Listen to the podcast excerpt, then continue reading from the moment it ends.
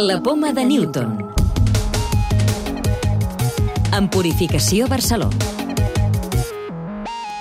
Investigadors de l'Institut de Bioenginyeria de Catalunya, IBEC, i de la Universitat Nord-Americana de Northwestern han aconseguit que ratolins amb lesions medulars tornin a caminar.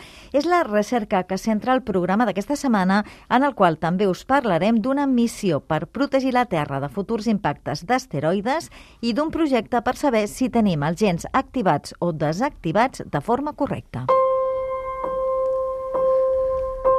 Un tractament injectable amb nanofibres sintètiques ha fet possible que ratolins paralitzats recuperin la mobilitat en pocs dies. Aquest nou material conté molècules que estimulen els receptors cel·lulars i que fan possible la regeneració de la mèdula espinal. Ho ha explicat a la poma de Newton Zaida Álvarez, investigadora de l'IBEC i primera autora de l'estudi. Hem dissenyat uns hidrogels formats per nanofibres molt petites, nanomètriques, que presenten diferents senyals per ajudar a les cèl·lules de la mèdula espinal a regenerar. Llavors, en ratolins, el que hem fet és paralitzar aquests animals. Després, en una sola injecció, amb aquests hidrogels, hem intentat regenerar el teixit nerviós de la mèdula espinal hem canviat la química d'aquestes nanofibres presentant aquestes senyals d'una manera més mòbil. El que fan les cèl·lules és enganxar-se molt més ràpidament i comencen a senyalitzar. Llavors això el que fa és que el teixit nerviós es repara més ràpidament.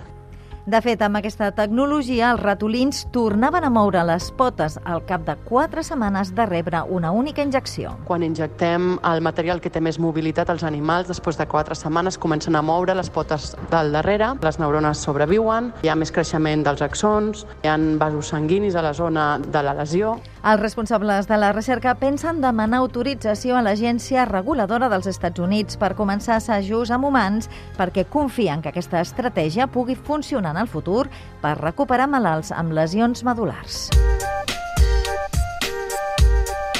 Més coses, la primera missió per modificar la trajectòria d'un asteroide arribarà a la tardor de l'any que ve al seu objectiu. Es tracta de la missió d'art de la NASA. La sonda impactarà contra un asteroide que forma part d'un sistema binari per tal de demostrar que en un petit impacte pot modificar la trajectòria d'aquests objectes. Josep Maria Trigo és un dels científics de la missió. És una missió kamikaze que intenta demostrar que són capaços d'excavar un cràter de manera molt eficient en la superfície de l'asteroide Dimorphos. És un impacte controlat un test pioner és l'únic del món que pot determinar com s'expressen els nostres gens i com això influeix en la nostra salut. Es diu Exeus i l'ha desenvolupat un spin-off de l'Institut de Recerca de Sant Pau, la UPC i l'empresa Summit. Utilitza intel·ligència artificial per seqüenciar l'ARN des d'una petita mostra de sang.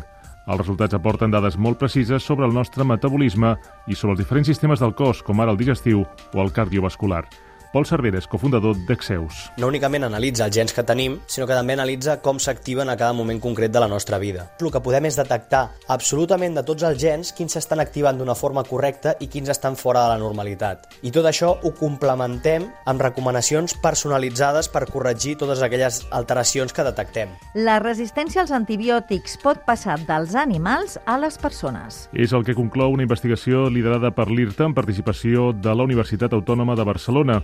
Aquests investigadors van analitzar els bacteris del bestiar i de l'encarregat d'una granja on s'havien trobat mostres d'infeccions resistents a un antibiòtic molt potent, la colistina, que fins al 2016 s'utilitzava per tractar animals.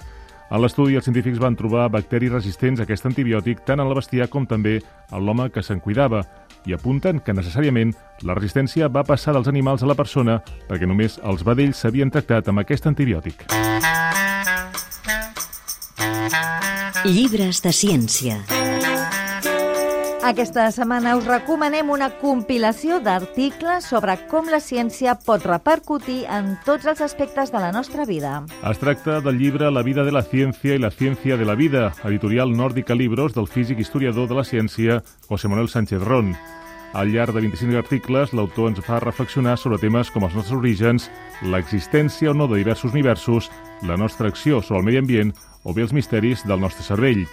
L'obra també recorda alguns dels grans representants de la ciència com ara Galileu, Copèrnic, Newton, Darwin o Marie Curie, tot plegat en un conjunt de pinzellades de ciència que també ens ajuda a entendre una mica millor d'on venim i cap on anem, i com, per exemple, la intel·ligència artificial i la robòtica poden determinar el nostre futur. La clau de volta.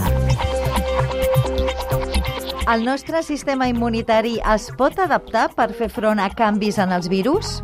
Manel Juan, cap d'Immunologia de l'Hospital Clínic sistema immunitari té una cosa que es diu hipermutació somàtica, el propi sistema immunitari muta i s'adapta a millor reconeixement. Llavors anticossos que poden anar dirigits inicialment contra una variant i deixin de tenir senyal sobre aquesta variant poden trobar alguna via per fer-se capaços de protegir. És més complexa, però és possible.